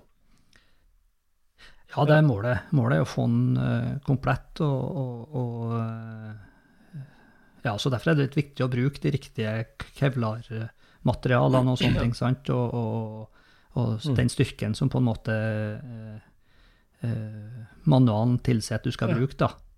Og, og den samme layupen av eh, fiber og retninga og den biten der, da. Mm. Men altså, kommer du til å tørre å bruke den, da, tror du? Når du blir ferdig med Ja, det, det håper jeg. Ja. Eh, et av problemene med, med å bruke den er at eh, å få tak i frontlykta er jo tilnærmet umulig. Ja, ja. Så, så, så der har jeg en liten plan om å få prøve å støpt eh, nye glass. altså laga glass, uh, frontlykteglass. Så der har jeg en, eh, en dialog med Canappa mot Motorsport i California ja. som, som kanskje er den største uh, utenfor Porsche som restaurerer i 959, da. Mm. Så dem, dem har jeg litt eh, dialog og samarbeid med nå om å, eventuelt lage eh, noen nye lykter. Ja. Eh, litt mer moderne, eller, eller få laga glass, da. Så du kommer ikke til å gå for denne her Så- gruppe det- B-konsept-looken, altså? Nei, det, det har, jo, har jo veldig Jeg syns jo den i 61 er rimelig tøff, altså. Ja. Men, men, men, men eh, den er jo Eller, eller en uh, gamlere en, eller en, en rallybil òg, men, men den i 61 er jo grisetøff. Så det var jo til å begynne på med en idé så bygge noen som Ja. det, da. Ja. Så, Ja. Men uh, når jeg var i Tyskland der og kjøpte litt deler, så, så var jeg jo innom en kar som sagt som har uh, alt mulig. Og han driver og bygger en sånn, en, Å, ja, ja, selvfølgelig. Ja. Så, så han gir et litt annet budsjett Nei, det er også inn et annet budsjett enn jeg har. ja. Jeg skjønner. Ja. Jeg skjønner. Men ut, utover frontlykta, har du alt som skal til nå for å få den sammen, eller? Ja, jeg ville sagt at jeg har, eh, har tilnærmet alt. Det Mm. er vel et par eh, kjølerør til aircondition eh, som, som var skada, som Mm. ikke er å få tak i, som er rett og slett eh, noen aluminiumsrør. Ja. Så, så der må jeg nok til å lage noen sånne rør, da. Ja, ja. Så, så, eh, Så der, Men ellers da, så er det, altså, det er en, en ny runde i jiggen hjem i ditt eget verksted, og, og, og en ny, ny lakkrunde òg, da, og, og montering. Ja, det, det, det, det blir det, altså. Så, så Mm. nå, eh, nå, nå er jeg jo plukka ned enda mer enn jeg eh, kanskje har tenkt. Så, Ja. så nå, nå, blir det nå en på en måte strippa den Ja. nesten hele bilen, da. Ja. Så eh, Men har du, har du noen gang kjørt en 959? Nei, dessverre. Jeg, jeg har ikke det. Nei, jeg Nei, så jeg, gjort, jeg, håpa jeg skulle føre den. Jeg var besøkt han kompisen i New York, da, men han har ikke skilta på sin. Nei. Så, så, men jeg har jo sittet inn og starta den opp og sånne ting, så det har jeg gjort. Men, men ikke fått kjørt den ennå, altså. Nei. Så, Ja, da er det bare å ned i verkstedet og sette sammen, da. ja, det er nettopp det, altså. Så det, det, Herregud. Ja. det er målet om å prøve å få til det nå, da. Ja. Så eh, forhåpentligvis få Utrolig til noe jig, jigging i høst her nå, og så, så jeg får alt det karosserimessige eh, top notch, og så er det å begynne å eh, bygge sammen, Ja. da. Ja. Herregud, det gleder vi oss til. Så da kommer vi, da kommer vi på besøk til Stavanger. Ja, det, det, det, det, det er helt vanvittig. artig prosjekt. Så, Ja, det er artig. så eh, Men du har en det- del andre prosjekt stående som, eh, som jeg vet du tenker å starte på når du er ferdig med den her? Ja, jeg, jeg har jo det. Jeg eh, har jo det Nielvan, som sagt. eh, Mhm. Så uh, har jeg jo en motor til overs, uh, en 911 turbomotor til overs, som jeg egentlig vurderte å selge. Mhm. Og da la jeg jo den ut på ei sånn Facebook-gruppe for å og siden jeg er så sabla dårlig til å selge, så, så endte jeg opp på å kjøpe av han eh, den bilen i stedet, han som trengte motoren. Så, så nå har jeg en, en 911 turbo som har blåstmotor stående, som jeg skal ta. ja. Og så, eh, når det 959-prosjektet er ferdig, så har jeg en sånn 356 jeg skal begynne på med. Ja, Det liker vi. Fortell oss om den. Ja, det liker plan- Ja, det kan, vi liker alt du drømmer men, men 356 er hva, Ja, er, det, hva er planen der for den? nei, det en, det er jo en eh, ja, 61 62-modell B-modell Ja. Mm. som, eh, som eh, er ganske sliten. Ja. Ja. Så, og der mangler det jo veldig mye, mye så det blir vanskelig å få helt original, så, så jeg tenkte jeg skulle prøve å legge meg på sånn litt uh, outlaw-look. Ja. Ja. Litt i gata til han Rod Ja, ikke sant? Ja. Mm. Så, så, der, eh, så jeg begynte å nøste litt etter eh, motor og sånne ting til det etter hvert, da. Så vi får se hvordan Ja. det sparker vei. Jeg tenkte jeg må kanskje vente litt med det prosjektet nå, så ikke jeg har eh, ja. eh, flere sånne store prosjekt. Så, så det, det setter litt Ja. på hold. Det er nok lurt, ja. Så, Nei, fy søren, det der eh, gleder vi oss til, altså, når du får sammen den. Blir, da blir det leven Ja, i garasjen når du fyrer biturboen. Ja, det, det blir, blir kjempeartig, det. altså. Det, det, jeg er litt forsiktig med å gi noe sånn eh, tidsestimat, for jeg har gjort det noen ganger tidligere, og det, det har jo skoret seg litt. Så, så, så nå, nå, blir det på en måte når, eh, når, når jeg har tid til å holde på med det. Ja. Men da har du bygd deg nytt verksted og har alt til klart hjemme? Ja. Mm. Jeg har gjort det, så det, det hjelper jo veldig. sant? Ja. Med fire unger i hus og, sånne ting, så, så blir det jo litt sånn at man uh, må ha det veldig nært for å få holde på med det. Ja. Så, så jeg har prøvd liksom å leid lokale og hatt biler rundt omkring, sant? Men, men uh, hvis du skal få holde på med det, så må det være ganske nærme, altså. Ja. Mm. Så, så jeg har fått bygd meg litt, eh, litt garasjeplass så jeg kan holde på. ja. Mm. Det er vanvittig.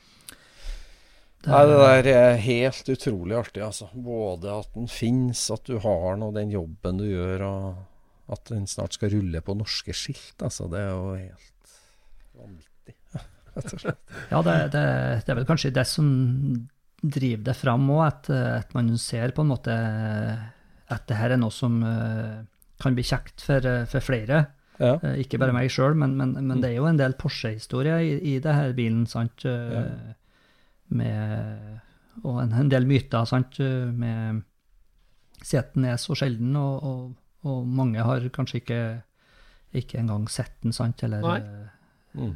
Men det er jo en en, sant. Det er jo en ordentlig kulturgjerning, det å ha det prosjektet ute sånn på, på Pelican Parts, sånn at folk får se hva det her egentlig er. Altså, vi har jo bare sett den i, i bladet Bil, for å si det sånn, eller andre ting fra 80-tallet. Ja, Ja, det er jo litt sånn, sant? Så, så jeg har jo ikke holdt så veldig høy profil om det. Men som sagt, siden Wayne Dempsey spurte meg om jeg kunne legge ut en sånn tråd, så, så starta jeg jo en sånn tråd. Ja. Og, og, og klart, noen fordeler med det var det også at man knytta en del kontakter, og ikke minst eh, eh, kom i kontakt med, med andre Mm. som, eh, som holdt, på, holdt på med det. Så, så, så jeg tror ikke en god del av eh, de delkontaktene, i hvert fall, eh, man har fått til å komme gjennom det. Ja. Mm. Mm. Så, eh, men det er jo litt vanskelig å henvende seg liksom til, til, til de store guttene og si at eh, det, er Roar fra Norge som, eh, som søker en sånn, sånn type del. eh, Ja. Det, ja. De vet ikke hvem Roar fra Norge Nei, nei, er, sant? Så Men så leste du opp chassisnummeret ditt, da, så retta de seg opp i stolen. Ja, det, det er jo det. Ja, det Mm. Nei, så det, det Hvilket nummer er det av de 292? 156. 156. Ja. ja. 156, ja. Nei, det der er Så veldig, veldig artig. Mm. Det, Eh, Hva du gleder Hva er du gleder deg mest over i et sånt prosjekt, på en måte? Altså, er det liksom dypdykket dypdykke med kunnskap, eller er mekkinga, eller er det at du skal ut og kjøre, eller hva er liksom rosinen for deg i et sånt mammutprosjekt? Jeg vet ikke helt, det, er- det er vel ikke kjøringa, egentlig, nei.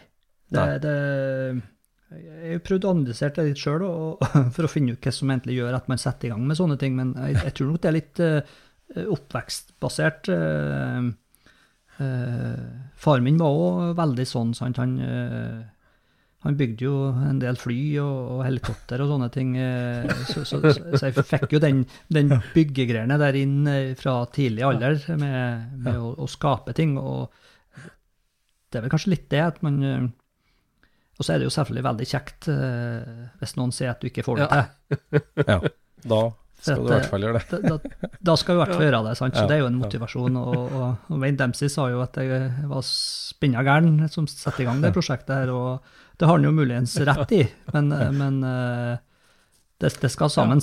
Ja, du skal vise at den tok feil. eller at det, Ja, det, det var morsomt. Jeg fikk faktisk en mail fra han for ikke så sabla lenge siden hvor han skrev akkurat det. Jeg tok feil, sa han. Så, ganske kort. Jeg tok feil. ja, Så, så det er litt morsomt, da. Utrolig tøft. Ja, nei, det var veldig trivelig at du tok deg tid til å prate med oss i Scootspodden. Eh, for det her er et prosjekt som jeg og Jon Roar har snakka om i ti år, egentlig. Siden vi så den Ja, det er sånn internettmyte, vil jeg si. liksom sånn. Hvem er han Ja. Roar, liksom?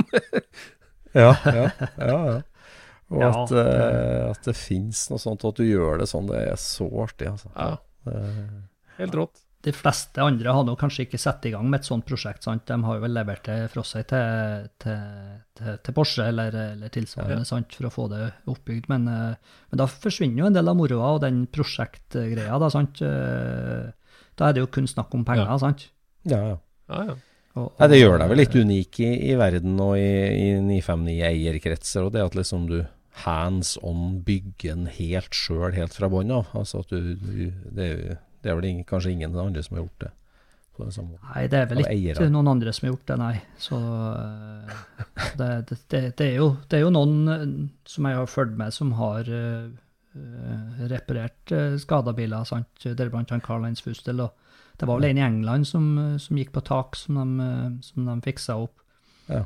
Og, og en i Canada, og så er det to i Amerika, på en måte jeg vet om. da. Den ene ble jo solgt på auksjon, og, og den er vel eh, den, De har jeg hatt kontakt med, de har spurt meg litt eh, om, om litt eh, tips og deler og sånne ting. Og mm. så den som ble sendt til fabrikken, som Ja. sagt. Mm. Mm. Ja. Så, så det, den, den som ble sendt til fabrikken, eh, den sto jo i ei, ganske flott eh, Porsche-samling eh, som, som nylig ble solgt, og da gikk jo den i femnin ut av den. Mm. Han, eh, han snakka med en god del av en eh, godt voksen kar, som, eh, som han og Det var mekanikeren han som skulle ut og prøvekjøre den, og, og klarte å freshe den, da. Ja. Så, så, så han, han bygde bilen inn i en vegg, som i, i, i den utstillinga, da.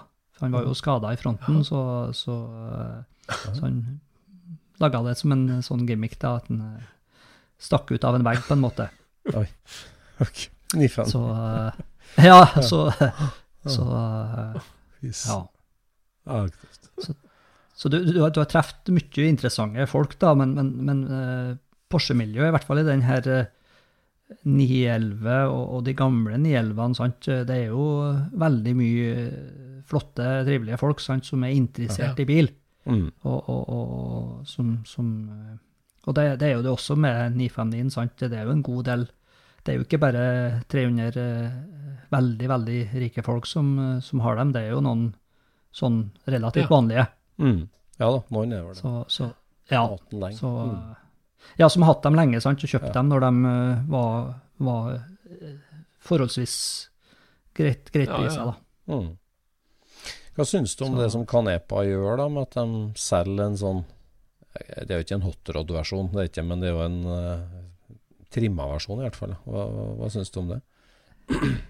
Ja, jeg, eh, jeg har jo som sagt hatt mye dialog med dem og sånne ting, Mm. sant, og, og, og eh, de viser jo hva potensialet i den bilen eh, Ja. er.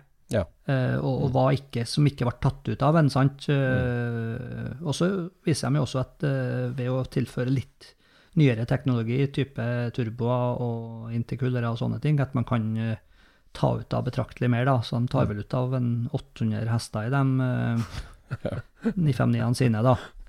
Så, så, og det er jo fullt mulig. De tok ut eh, nesten 1000 sant, i, i banebil. Mm. Så, så, så eh, motoren er jo god for, god for det. Mm. Men i din så er det, er det 450, eller? er det- 450, altså. Den her Mm. står med original uh, turboaggregat og original uh, motorstyring, da. Ja. Så, så Porsche selger jo et kit eh, hvor du kan få oppgradert eh, motorstyringa med nye turboer til en så du får ut eh, ja, 550 eller noe, tror Ja. jeg. Mm. Men, men ja. det som er litt, litt spesielt med denne, her, sant, i forhold til mange andre, andre turbo, og ikke minst twin-turbo-motorer, er jo at han har to forskjellige turboer. Ja. sant? Mm. En, en turbo som, som er for lav RPM, og så en som er litt for høyere. Da, sant? Så du skal jo ha et veldig eh, jevnt drag, og, og de som, sier, som kjørte dem, sier at han er jo veldig fin å kjøre. Veldig Mm. vennlig å kjøre. Så Jeg håper du tør å legge pedalen i bånn, altså prøve den på litt vestlandsveier og kjenne på den. det, Ja, det er jo klart at eh, det, det, det, det gleder jo jeg meg til å, å få, Ja. få kjørt den, altså. Ja.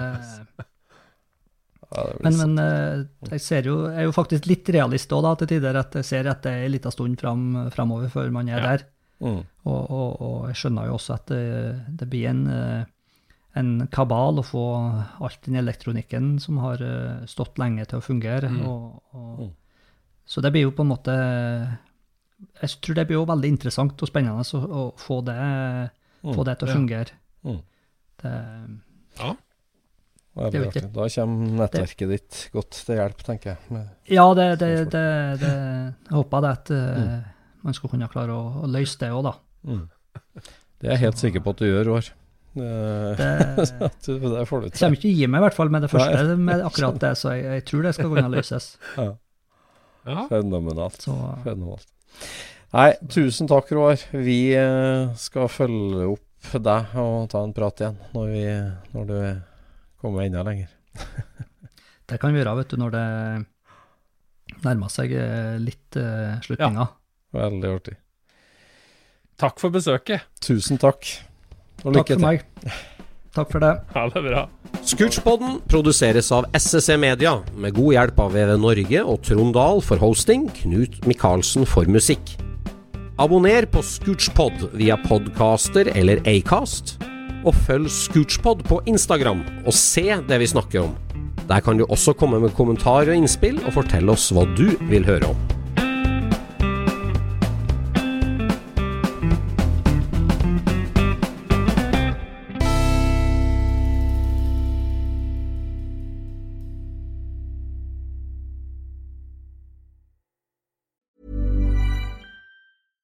Hi, I'm Daniel, founder of Pretty Litter. Cats and cat owners deserve better than any old fashioned litter. That's why I teamed up with scientists and veterinarians to create Pretty Litter. Its innovative crystal formula has superior odor control and weighs up to 80% less than clay litter. Pretty Litter even monitors health by changing colors to help detect early signs of potential illness. It's the world's smartest kitty litter. Go to prettylitter.com and use code ACAST for 20% off your first order and a free cat toy. Terms and conditions apply. See site for details.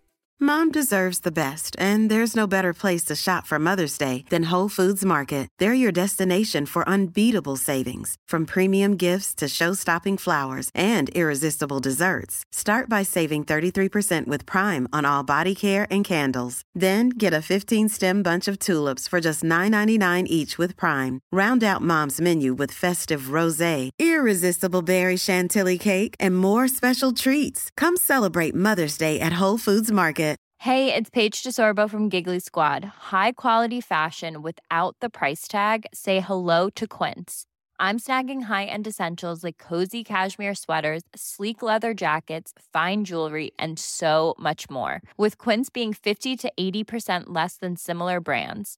And they partner with factories that prioritize safe, ethical, and responsible manufacturing. I love that. Luxury quality within reach. Go to quince.com slash style to get free shipping and 365 day returns on your next order. Quince.com slash style.